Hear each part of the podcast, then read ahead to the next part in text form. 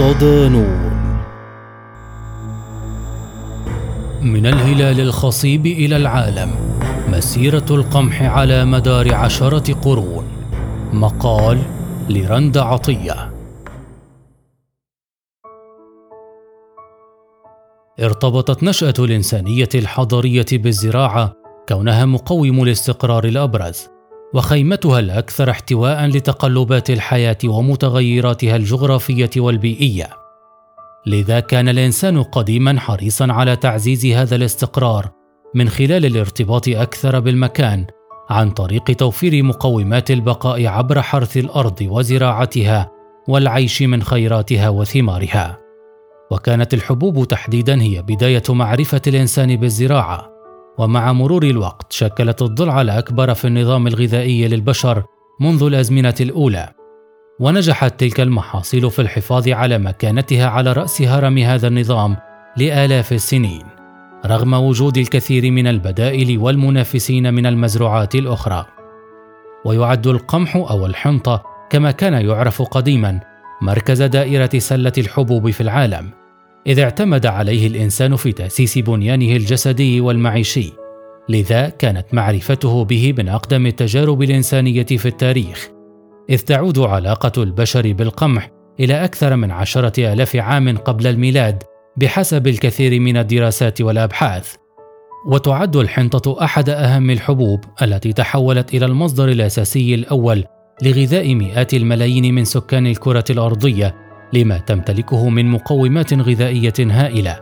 فيها ست مجموعات من الصبغيات الكروموسومات بمجموع جينات يتجاوز مئة ألف جين. يملك البشر نحو 23 ألف جين فقط.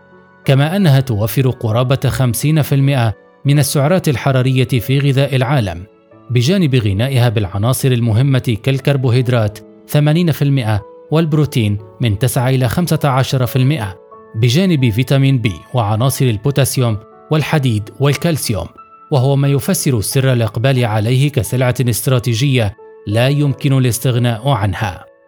وفي ضوء حالة الهلع التي انتابت العالم الأيام الأخيرة بسبب تداعيات الحرب الروسية الأوكرانية على مستقبل القمح وخارطة إنتاجه وتصديره بحكم امتلاك البلدين لقرابة ثلثي إجمالي تصدير العالم من السلعة.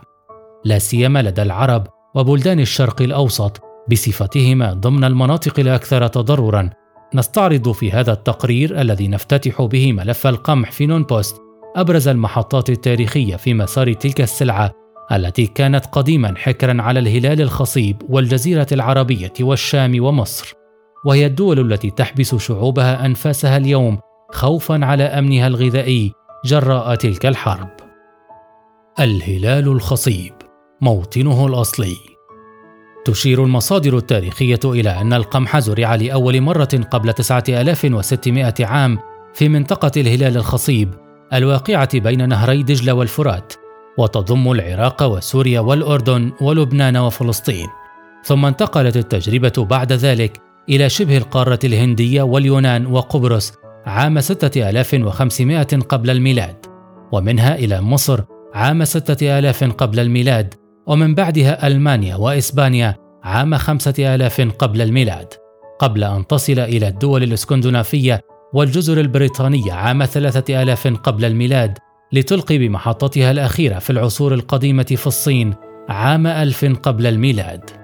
في نوفمبر تشرين الثاني عام 2019 نشرت دورية Nature Plants الإنجليزية دراسة أجراها فريق دولي من باحثي كلية لندن الجامعية بقيادة الباحث المتخصص في الهندسة الوراثية مايكل سكوت حول تطور جينوم القمح في مصر.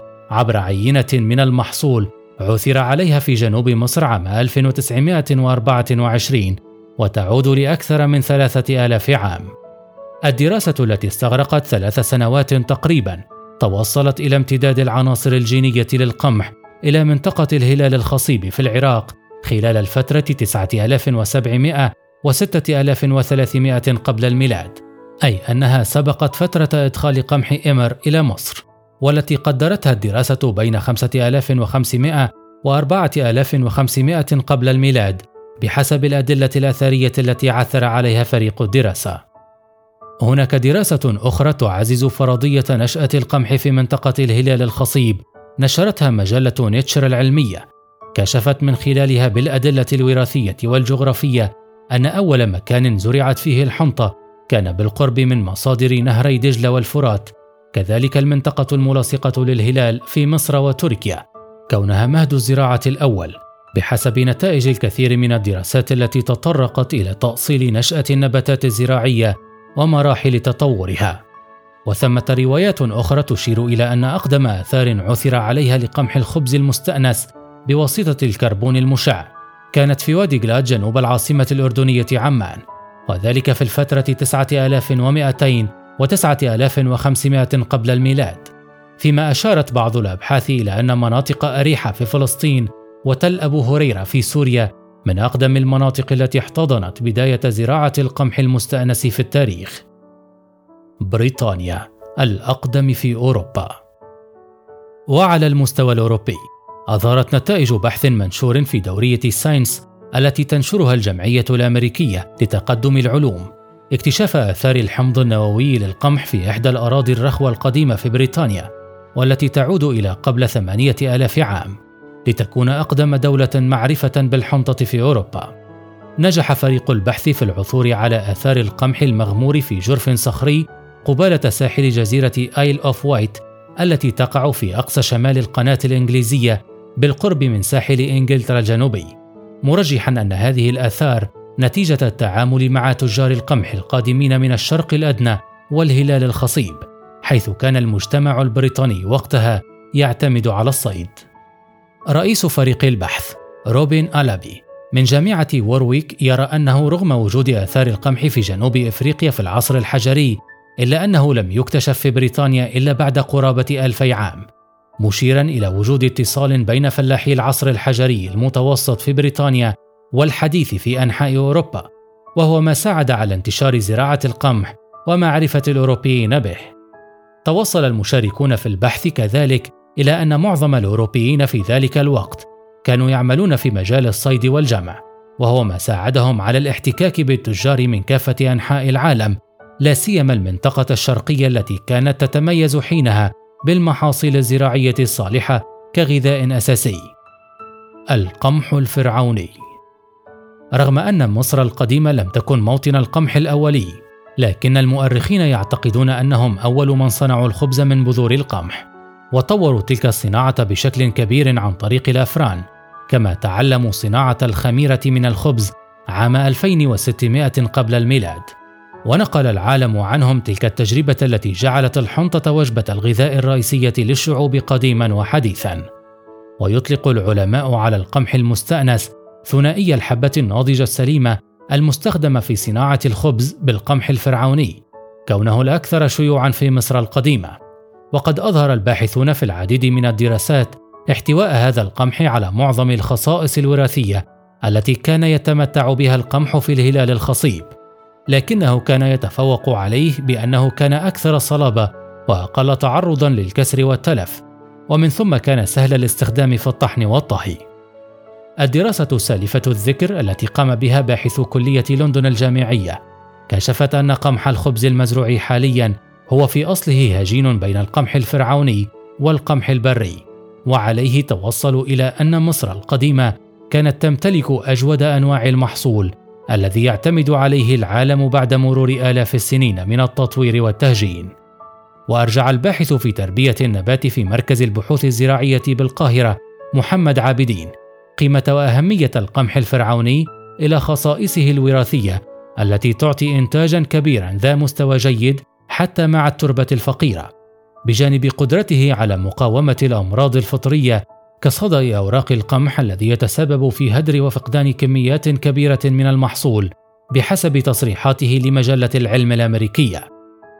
تطور استخدام القمح كان الاستخدام البدائي للقمح كسلعة غذائية عند السكان الأوائل يتلخص في خلط حباته الخشنة مع الماء ويترك قليلا حتى يلين ثم يتم تناوله ولكن هذه الطريقة كانت تتسبب في مشاكل كبيرة أبرزها عسر الهضم بجانب مشاكل الأسنان. هذا بخلاف أنها لم تكن عملية بالشكل الذي يمكن تحقيق أكبر قدر ممكن من توظيف هذا المحصول. ومع مرور الوقت بدأت معرفة الإنسان بما يسمى الطحين حيث يتم طحن حبات القمح بين الأحجار أو العجلات الصلبة. وكان كل بيت يمتلك أحجار رحى لهذا الغرض وهو ما وثقته رسومات الفراعنة قديما على جدرانهم. لتتطور تلك الآلية وصولا إلى المطاحن المعروفة بشكلها الحالي والتي تحول القمح إلى دقيق يتم استخدامه في صناعة الخبز بجانب إمكانية استخدام بعضه كعلف للطيور والحيوانات.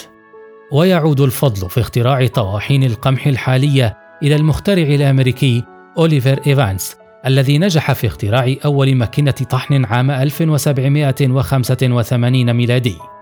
ليدخل عليها صديقه توماس جيفرسون العديد من التعديلات بما يقلل عدد العمالة والوقت والجهد وذلك عام 1808 وصولا إلى أسلوبها المعمول به حاليا والذي لا يحتاج في بعض الأحيان سوى لعامل واحد فقط أو عاملين في ظل إدخال التكنولوجيا الحديثة التي سهلت كثيرا من عملية الطحن كما ونوعا.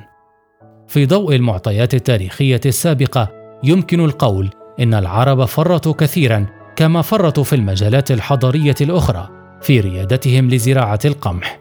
إذ باتت معظم الدول العربية الآن ومعها تركيا أسيرة الاستيراد من الخارج بعدما كانت منبع القمح وسلة غذاء العالم وباستثناء العراق الذي حافظ على اكتفائه الذاتي من تلك السلعة الاستراتيجية وقبله سوريا أول دولة عربية تكتفي ذاتيا من القمح تدفع بقية الدول ثمن التبعية الغذائية لأباطرة القمح في العالم بعدما بات مستقبل أمنهم الغذائي بأيدي قوى أجنبية. بعضها لا يجد حرجا في توظيف هذا التفوق لتنفيذ أجندات سياسية تمددية على حساب السيادة العربية.